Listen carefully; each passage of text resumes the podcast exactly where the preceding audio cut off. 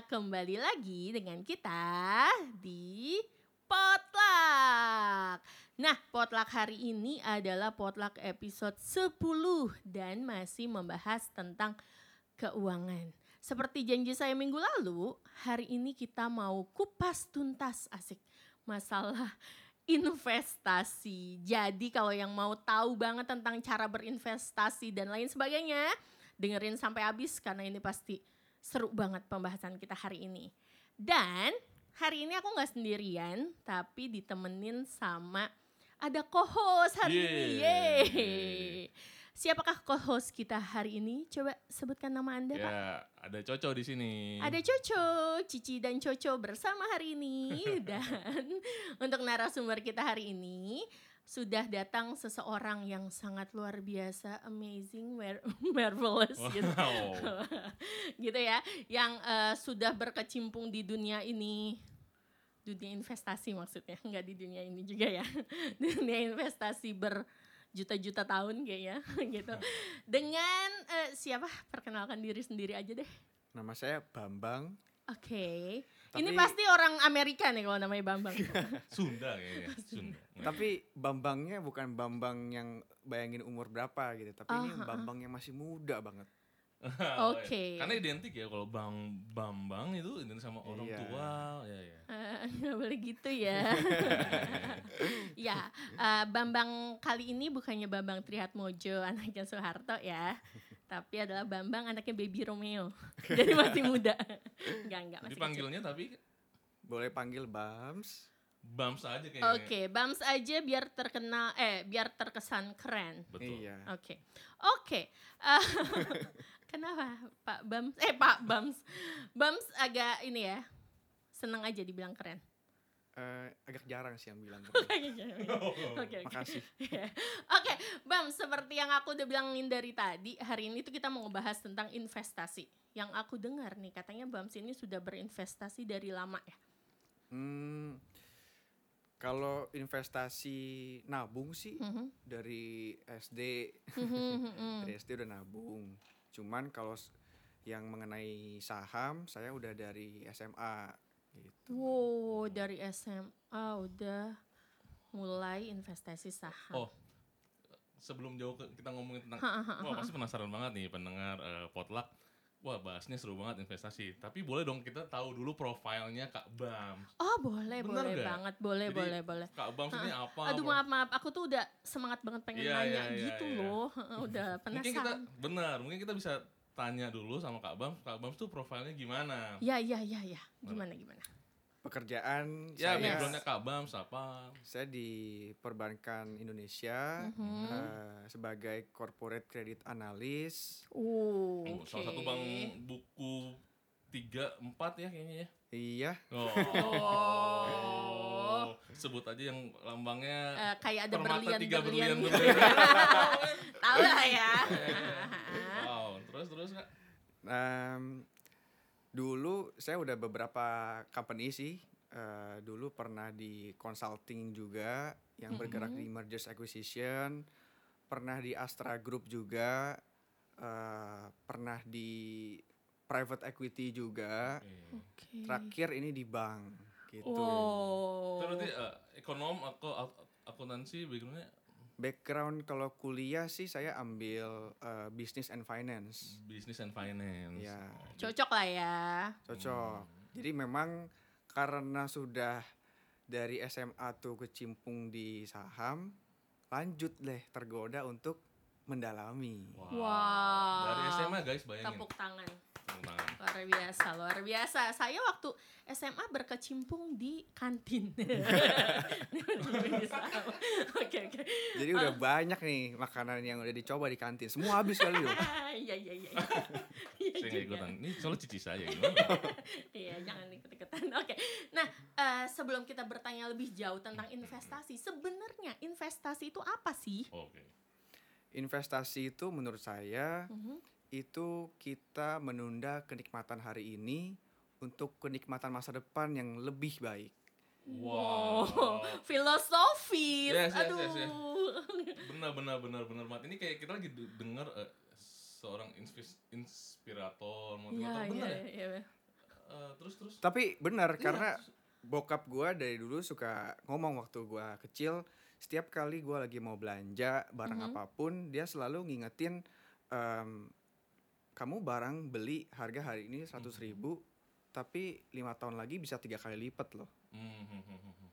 Nah, Hmm. karena kita tuh udah diajarin investasi saham dari kecil, eh, memang bokap juga investasi saham, jadi Oke. mindsetnya tuh udah dari kecil diajarkan bahwa kita spending hari ini itu kalau kita berfoya-foya, artinya kita mengurangi potensi kenikmatan masa depan. Ah. Karena uang yang kita spending hari ini 100, lima tahun lagi bisa jadi 300. benar benar benar. Kalau memang kita investasi ke tempat yang benar, Yang yang tepat. tepat, sesuai yang kita pahami. Oke, jadi gitu ya. Investasi adalah menunda kenikmatan hari ini untuk masa depan yang lebih baik gitu. Iya. Tapi eh, sebenarnya itu seberapa penting sih investasi itu? Apa nggak cukup hanya dengan nabung aja gitu? Em, kalau udah bisa nabung sih itu step awal yang bagus. Aha. ya yang penting memang pertamanya bisa nabung karena kan investasi itu eh, tambahan di luar menabung nah kalau menabung sendiri baiknya sih kita bisa punya tabungan let's say 6 bulan spending bulanan kita Mhm. kalau kita satu bulan spending eh, let's say 2 juta gitu Mhm. nah sebaiknya kita punya tabungan minimal 6 kalinya Oke. 12 juta minimal Heeh, jadi kalau ada hal-hal yang tak terduga, Betul. kayak Kalau pandemi terduga. sekarang, gitu Benar. misalnya. Jadi kita tuh masih punya buffer sampai enam bulan ke depan paling tidak. Hmm. Oke, Nah, oke. Di luar tabungan yang udah kita punya, tiap Mhm. bulan kan kita harus nabung lagi, investasi lagi, kemudian pakai duitnya juga uangnya buat kita kehidupan sehari-hari. Nah, itu juga harus tetap ada alokasi. Nah, Oke. paling tidak investasi itu ya paling tidak 20% lah ya dari income bulanan kita harusnya bisa. Mhm. Minimal 20%. Menurut saya iya. Oke. harusnya bisa tapi mungkin kalau bisa dikecilin ya bisa aja tapi Idealnya tapi 20%. Minimal Minimal. Karena- tentu akan ada aja orang yang income-nya jauh lebih besar kebutuhan mereka juga nggak terlalu banyak sehingga bisa di-increase sampai Lulus. 80% itu Mhm. bisa Betul, betul, gitu betul.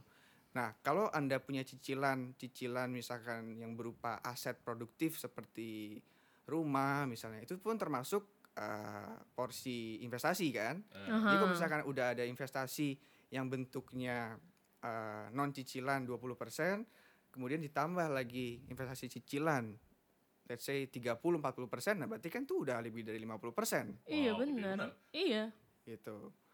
Jadi 20% tuh menurut saya tuh udah minimal sih. Minimal investasi itu. Dan kenapa nabung beda sama investasi? Mhm. Karena nabung itu em, beda harga uang hari ini sama harga 10 tahun lagi. Oke. Kalau investasi kan kita dapat keuntungan ya, Ya. dapat Ya. return. Eh, bayangkan kalau kita beli rumah hari ini, eh, 10 tahun lagi bisa tiga kali lipat. Iya betul. Berarti dalam hal bedanya adalah besarnya eh, Return yang kita dapat. itu ya kalau tabungan dan Benar. investasi saham. Iya. Mhm. Kalau menabung dalam hal menabung kan artinya kita masuk uang di tabungan kan ya. Mhm, mhm. Itu interest rate hari Kecil ini ya kalau bunga. tabungan biasa gitu paling cuman di bawah satu persen. Mhm. Iya, betul. Deposito eh, mungkin sekitar 5% misalnya. Mhm, mhm. Tapi kalau investasi di instrumen yang eh, lebih baik gitu ya, return jangka panjangnya itu pasti bisa dapetin di atas 10%. Tapi baik lagi ya kak, bahwa eh, semua ada risiko, bener toh? Betul. Tapi Arti- untuk hmm. bisa sampai ke level investasi instrumen yang lebih eh, berisiko, bisa potensi keuntungan lebih besar, tentu ada proses belajar yang harus kita lakukan. Ah, Hmm. penasaran tuh belajarnya nanti kita akan bahas tuh gimana. Iya, nanti lebih lanjut lagi kita bahas tentang proses pembelajarannya. Tapi sebelum itu aku tuh penasaran. Eh, jenis-jenis investasi yang bisa kita lakukan tuh apa aja sih? Investasi kalau produk ya, Mhm, mhm. em, tentu ada yang investasi namanya jangka pendek, jangka panjang ya. Mindset kita perlu dibagi nih, jangka Oh, pendek oke. sama jangka Contoh panjang. jangka pendek kak. Jangka pendek itu ya investasi berupa deposito termasuk kan Deposito. cuma Oke. satu bulan satu bulan ada kan Ya, on call. ya Oh, bisa itu perbankan, bahasa sorry, sorry. paling Iya. lama deposito kan bisa 12 bulan 12 gitu bulan, kan tapi kan less than one year biasa deposito Yes, yes. kemudian bisa juga kita beli eh, orang bilang harga dolar harga emas bisa naik Heeh. kan? bisa juga invest di sana Oh, ya kayak nabung dolar, nabung Iya. emas gitu ya. Heeh, heeh. Nah, tapi kalau kita bicara yang jangka panjang itu bicara obligasi, Obligasi. Oke. bicara tanah dan bangunan, Mhm, kemudian bicara saham.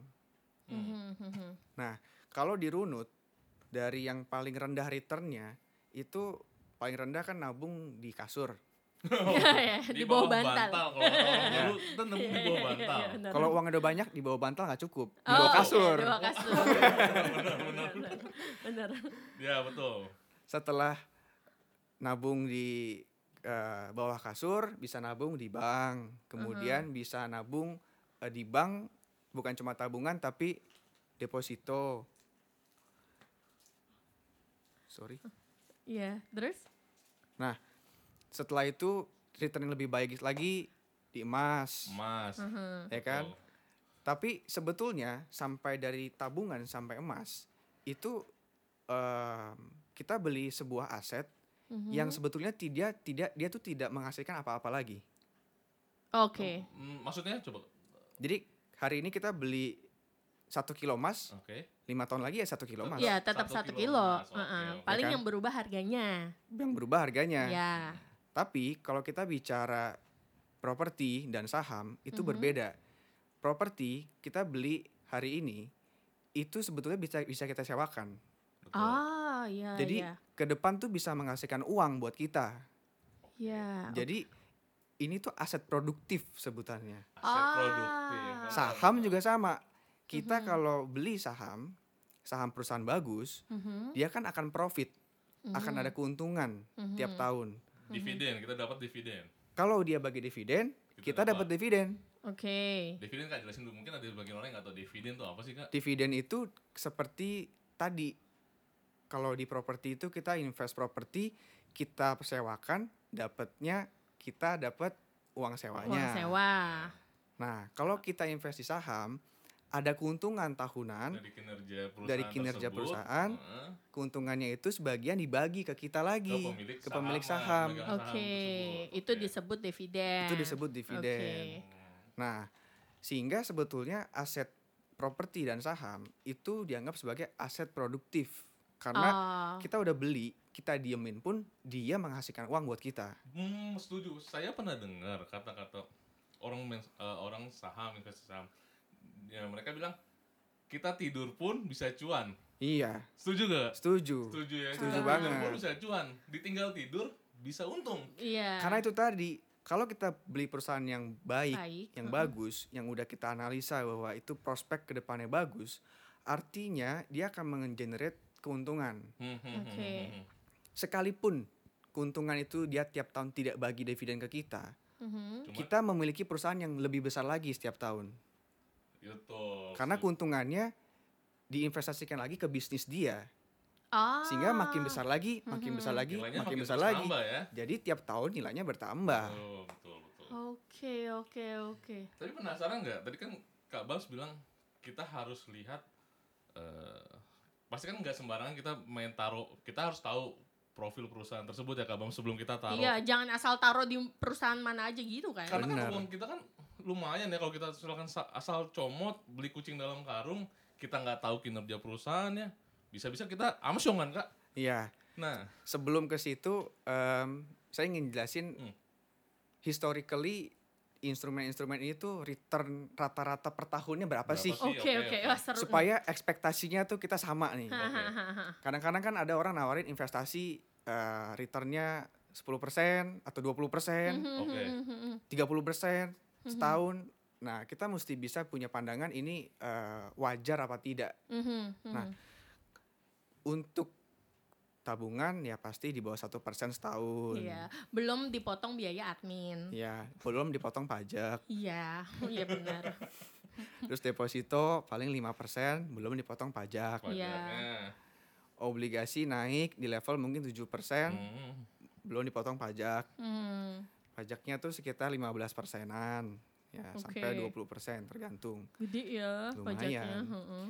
Kemudian naik lagi ke emas. Eh, emas memang kalau kita beli fisik ya tidak ada eh, Pajak potongan gitu-gitu. langsung di sana nggak ada. Iya. Asalkan Mhm. Anda tidak melaporkan. Kalau melaporkan beda lagi. Oh, Oh, baru tahu Lapor ya. Baru lapor keuntungan investasi kan ada pajaknya ada lagi. pajaknya Ah, lagi. Gitu. oke. Oke. Nah, Di atasnya lagi itu ada properti dan saham. Mhm. Properti itu rata-rata bisa sekitar 10 sampai 12 persen per tahun ya. per tahun. Mhm. Bahkan kalau lagi bagus bisa sampai 15 persen per tahun. Mhm. Rata-rata tapi Mhm. beda dengan kita bicara ngomong dua tahun terakhir ini. Oh ya. Dua, tra- dua tahun terakhir Lagi. ini agak flat bahkan Betul, turun. Betul, Iya, betul. ha, benar. Tapi secara jangka panjang bagus returnnya bisa Hmm. sampai 15% per tahun. Kalau saham itu bisa sampai ini kita bicara historical 10-20 tahun terakhir Mhm. rata-rata indeks harga saham gabungan di Indonesia. Jadi semua total gabungan saham Mhm. Mhm. di rata-rata pasti kan ada yang tinggi banget, ada yang rendah Mhm, banget. mhm. Aha, Tapi di aha. rata-rata itu bisa 18% setahun. Oh, 18% oke. setahun. Tapi kalau lagi kurang bagus bisa di bawah 15% per tahun. Itu Mhm. kurang bagus saja masih lumayan artinya tinggi. gitu ya. Wow, oke, Nah, oke. artinya kalau banyak orang bilang investasi saham itu beresiko, ya kalau dilihat dari potensi returnnya itu tinggi, betul ada resiko. Mhm. Tapi ketika kita belinya juga bukan saham-saham yang Ece-ece, eh, ece-ece, abal-abal. pokoknya saham yang sudah kita analisa bagus, Mhm. itu returnnya tuh ya nggak akan jauh dari return indeks indeks harga saham gabungan gitu. Mhm, mhm, mhm. Apalagi kalau memang kita belinya juga beli saham-saham besar yang ada di bursa. Saham-saham besar itu eh, biasanya kan akan dibeli oleh fund manager fund manager Mhm. dan itu saham-saham besar itu yang membentuk eh, indeks harga saham gabungan Mhm. sehingga akan lebih dekat harganya. Oke, berarti dengan kata lain dari semua yang tadi eh, returnnya itu berapa persen, menurut Kak Bams yang paling baik untuk pemula itu saham gitu. Em, begini, untuk bisa sampai ke investasi properti dan saham, Mhm. tentu kitanya harus bisa belajar untuk menganalisa. Contoh Oke. yang lebih eh, simpel tentu properti ya. Mhm. Ketika kita mau beli properti, Mhm. mungkin nggak kita hari ini mau beli, hari ini langsung bayar. Eh, enggak mungkin sih, pasti Harusnya kan kan kita, kita pikir observe. dulu kan. Ah, ah, Ya. ah. Kita pikir-pikir dulu ini uang besar loh yang mau kita investasikan. Mhm. Karena itu pasti kita survei dulu tempatnya, Mhm. Lokasinya, lokasinya di mana? mana. Ya. Ke depan nih pengembangan ke depan akan ada apa Iya, nih di daerah benar. sini. Lingkungan situnya gimana ya. Marketable kan ya? Iya. Terus yang eh, jual developernya siapa? Siapa? Betul, Mhm. betul. Bonafit nggak? Mereka pasti akan jadi nggak unitnya? Mhm. Terus eh, bukan cuma developer tapi yang bangun siapa? Mhm, mhm. Yang bangun apakah dia tuh eh, punya komitmen akan membangun dengan bangunan kualitas yang baik Baik. Mhm. gitu. Apakah akan deliver tepat waktu? Semua itu kita analisa. Makanya Oke. butuh waktu berbulan-bulan untuk pilih, cari-cari lokasi. Betul nggak? Betul, setuju, betul. setuju. Nah, seharusnya kita lakukan hal yang sama juga ketika beli saham. Mhm. Jadi kita harus pilih. Nah, bedanya kalau di saham itu kita baca lebih banyak. Kalau di properti kan kita banyaknya survei. Survei ya langsung kan? datang ke lokasinya gitu Justru ya. saham lebih enak. Kita udah bisa dapat source-source informasinya dari internet. Oke. Google bisa Mhm. dari website IDX eh, Bursa Saham Bursa Indonesia Indonesia. itu juga bisa. Mhm. Artinya yang penting kita rajin baca. Nah, apa sih yang kita baca? Hmm. Mhm. Kita bisa baca, kita buka annual report. Itu Laporan tahunannya. laporan tahunan perusahaan yang mau kita beli. Mhm. Oke. Nah, di bursa kan ada banyak Mhm. perusahaan-perusahaan besar yang kita tahu, contohnya perbankan misalkan BCA, BRI, Mandiri itu ada Mhm. semua Mhm. informasinya di publik di bursa. Itu bisa kita akses mudah. Nah, tapi untuk kita bisa baca annual report. Mhm. Nah, itu kan ada laporan keuangan di sana. Iya. Artinya kita mesti belajar membaca laporan keuangan juga. Oh, Nah. Kak Bams menarik nih. Artinya kalau pada saat kita lihat eh, financial statementnya, eh, annual report laporan keuangannya, biasanya Kak Bams lihatnya instrumen apa sih untuk menentukan apakah perusahaan ini memang eh, kinerjanya bagus atau tidak gitu. Kan di laporan keuangan ada banyak eh, apa namanya eh, isian-isiannya nih. Betul, Mm-mm. banyak. Itu yang dilihat Pertama kali apa? banyak banget yang dilihat. Mhm. Itu yang pertama. Maka dari itu sebaiknya sih untuk bisa eh, memahami apa aja yang dilihat itu referensi dari buku ya. Oke. Tapi kalau saya bisa singkatkan itu kita perlu lihat kinerja perusahaan ini eh, historical ke belakang minimal tiga tahun. Year to year ya, lihatnya ya. Ya, jadi kalau misalkan sekarang tahun 2020 kita bisa lihat kinerja dia minimal dari tahun 2017, 18, 19. Oke. Kita bisa lihat dia nih perusahaannya bertumbuh atau enggak. Mhm. Pendapatannya ini bertumbuh enggak. Profit terus gak gitu ya? Nah, selain pendapatannya itu tadi profit keuntungan eh, net profit Berapa sih, berapa untung, persen sih? untung apa enggak nih? Mhm, Oh, gitu. oke. Bisa aja dia jualan terus nambah tapi nggak untung sebetulnya. Oh. Terus untungnya dari mana? Apakah dari bisnisnya atau dia dari hal lain gitu ya? Betul. Nah, tapi paling tidak step pertama kita udah lihat perusahaan ini bertumbuh. Oke. Sehingga ke masa depan eh, kita bisa punya gambaran ke depan akan tumbuh apa tidak. Oke. Tapi itu perlu dianalisa lebih lagi ke depan masih bertumbuh seperti kemarin nggak? Iya, iya, Oh, iya. Oke. Nah, kalau untuk menganalisa gitu nih, saya deh misalnya saya Hmm. yang nggak benar-benar nggak punya background pendidikan, pengalaman atau apa pun tentang keuangan gitu ya. Itu apakah saya harus belajar di situ secara otodidak gitu bisa dipelajari secara otodidak Bisa. atau saya perlu oh berarti nggak usah perlu apa manajer keuangan kayak Sebetulnya gitu gimana? begini, kalau kita keuangan punya kemauan Mhm, pasti bisa. Otodidak itu banyak orang capai mhm. eh, dengan baca buku, baca-baca yang ada di internet tuh semua informasi banyak sekali. Cuma kitanya harus rajin, ya kan? Mhm. Kalau kita lewat penasehat keuangan kan itu artinya kita memper- mempercayakan penasehat keuangan ini untuk Hmm, memberikan saran kepada kita. Ya, Mhm. heeh. Atau kalau bukan penasehat keuangan, fund manager Fund manager Mhm. kalau di Dia- Heeh. mengelola uang kita. Mhm. mempercayakan uang kita ke mereka. Iya. Tapi kalau kita mau percaya diri sendiri, ya Mhm. kita bisa belajar otodidak pun bisa. Oh, oke. Nah, saya dulu waktu belum kuliah, belum Mhm. kuliah finance, saya juga belajar waktu SMA otodidak. oh Hmm. iya, nah iya, Nah. Bams Iya. dari SMA tuh, waktu itu gimana tuh Gimana pengalamannya? awalnya bener ya? Heeh, awalnya tuh sampai baru SMA loh. Orang-orang SMA apalagi zaman sekarang ya, kayaknya mikirnya TikTok.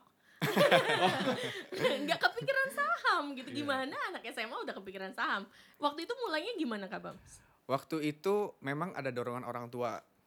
Orang Mhm. tua udah Main saham udah juga. invest saham juga, Hmm. jadinya em, saya walaupun belum punya KTP SMA 1, tapi udah didorong untuk buka account saham. Hmm. Wow. Nah, buka akun saham itu ya datang ke sekuritas kalau dulu harus datang. Kak, sekuritas itu adalah Nah, sekuritas itu adalah perusahaan yang eh, menawarkan jasa untuk eh, bisa kita transaksi jual beli saham. hmm, Oke, harus datang ke situ ya, harus wajib ada seku- Halus transaksi emang harus melalui melalui sekuritas. sekuritas gitu. Nggak Mm-mm. bisa Orang tiba-tiba. banyak bilang sekuritas tuh broker. broker. Ah ya saham. broker. Nah ya itu lebih Ya. lebih Lebih familiar ya. familiar, broker saham ya oke. Tapi sebetulnya nama ininya sekuritas. Sekuritas oke. Kalau sekarang itu nggak mesti datang, udah online. Ah, Daftarnya oke. bisa melalui online. Hmm, Ada yang eh, masih perlu kita print, kita isi form, kita kirim. Tapi ada juga yang udah full online sih. Oke Nah. Tapi setelah kita buka akun saham itu, barulah kita bisa transaksi saham kan. nah, Mhm.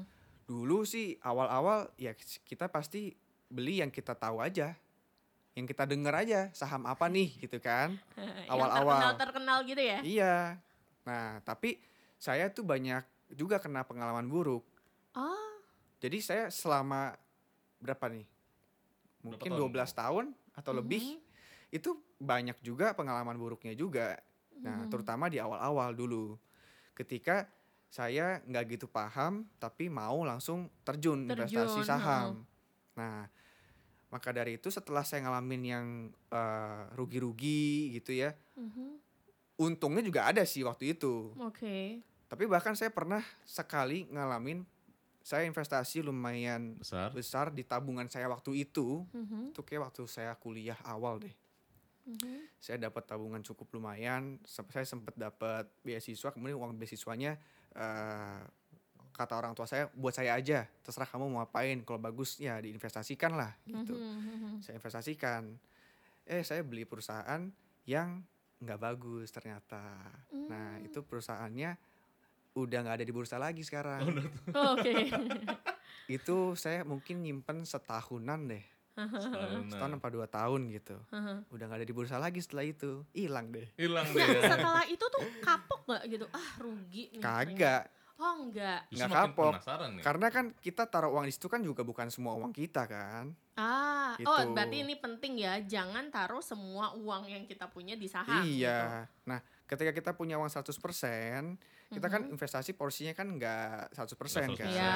Uangnya juga taruhnya nggak banyak. Tapi Mhm. dengan eh, kejadian itu, saya justru jadi mau lebih belajar lebih dalam lagi. Oh. Saya nggak mau dapat rugi lagi nanti. Mhm, Nah, mhm. makanya saya juga sekarang sharing ke teman-teman setelah dipelajari itu Mhm. akhirnya tuh return saya bagus. Jadi ya memuaskan lah. Akhirnya Oke. ya saya ngerasa investasi saham itu buat saya udah jadi makanan sehari-hari. Bahkan kalau saya nggak setiap hari baca berita atau laporan keuangan tentang perusahaan yang saya punya atau yang ingin saya miliki, Mhm. saya nggak bisa. Betul. Oh. Karena uang saya tuh udah banyak di sana, Mhm, kemudian juga saya udah ngerasain banyak keuntungan di sana. mhm. Kalau saya nggak ngelakuin itu, analisa itu, saya merasa rugi nantinya. Ah, Oke. Jadi saya akan teruskan itu.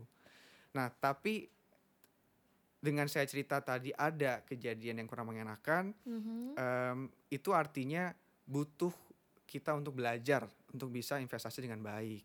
Oke, kalau boleh tahu ya, eh, waktu itu kejadian tidak mengenakannya apakah karena salah menganalisa atau atau ada yang kejadian luar biasa yang bikin tiba-tiba perusahaan itu kolaps atau gimana? Ada dua-duanya sih. Jadi Oh, nganalisanya salah karena belum paham. mhm. Terus yang kedua, karena memang perusahaan itu terpukul ketika tahun 2008-2009, oh yang ya batu bara juga hancur harganya. Mhm, mhm, Itu perusahaan yang baru bergerak pindah dari tekstil ke batu bara Hmm. Oke Mhm. oke. gitu. Nah akhirnya eh, harusnya kan saya nggak beli dong perusahaan yang historicalnya bukan Bukan jagonya batu jagonya Iya bara. di iya situ. benar. Betul. Nah kita harus beli saham yang memang dari dulu jagonya batu Emang bara. dia main di situ. Ketika harga turun pun tetap bisa survive mereka kalau yang jago. Oke. Karena ada Oh, pengalaman. berarti itu salah satu tips juga ya kalau mau pilih perusahaan ya yang perusahaan memang eh, Yang- jago di bidang itu. Betul. Ya, berapa lama dia Betul. Historical di bisnis itu juga udah lama. Hmm, hmm, hmm, Nah, hmm, hmm. Jadi tentang apa aja yang perlu dianalisa sih banyak. Mhm. Em, salah satu contoh buku yang saya bisa rekomendasi yang Mhm. ringan nih Mhm. untuk semua orang bisa baca lah. Bentuknya nih ada karikatur komik-komiknya. oh Ah, menarik jadi tidak menarik. membosankan. Nggak bosan. Nggak cuma huruf-huruf. Huruf. Iya. Angka-angka pusing gitu. Pas pas baca pun aku bisa ketawa juga. Oh gitu. Karena nama judulnya Smiling Investor. Oh, Ah. tuh. Senyum jadinya. Ah, ah, langsung cari-cari biasa kita ke toko buku. Smiling Investor, penerbit ininya, Penulisnya? penulisnya Penulisnya salah satu itu dosen saya waktu di Prasetya Mulia itu Pak Lukas Setiatmaja. Oke. Nah, yang menggambar tuh maaf saya agak lupa namanya, tapi yang Mhm. menggambar karikatur itu yang dulu tuh juga sering untuk menggambar karikatur di koran kontan. Oh, oke, oke. Jadi memang gambarnya pun lucu-lucu. Gitu. Oke oke. Nah, tapi kalau memang eh, rasanya investasi di saham itu butuh waktu belajar, Mhm. apakah kita jadi ya udah deh nggak usah investasi Nggak dulu? Nah, Nah, iya iya. enggak. gimana nih gimana? Maka dari itu ada namanya eh, produk reksadana. Oke. Reksadana ini eh, suatu produk yang dikelola oleh fund manager. Mhm. Fund manajernya sudah berpengalaman, dia bisa menginvestasikan uangnya ke instrumen saham, obligasi, dan lain-lain.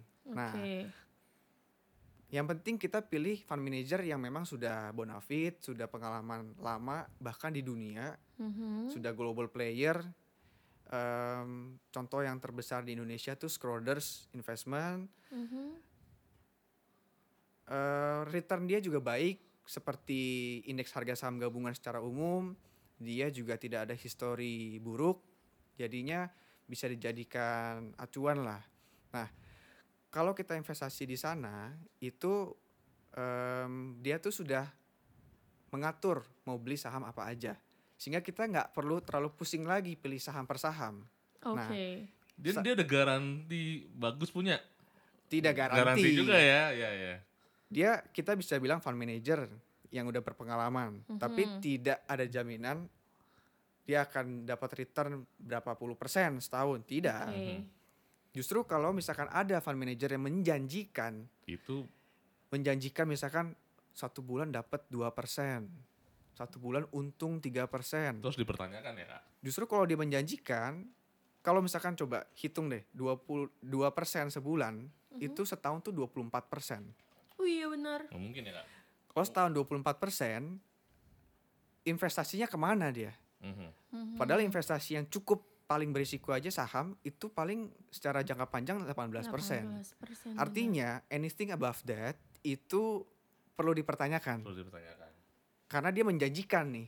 Ah, heeh, heeh. Nah kalau fund manager yang reksadana itu dia nggak menjanjikan, jadi memang bisa naik bisa turun. Tapi secara jangka panjang kalau dia memang sudah berpengalaman, returnnya akan mirip dengan eh, indeks harga saham gabungan kolektif saham Indonesia.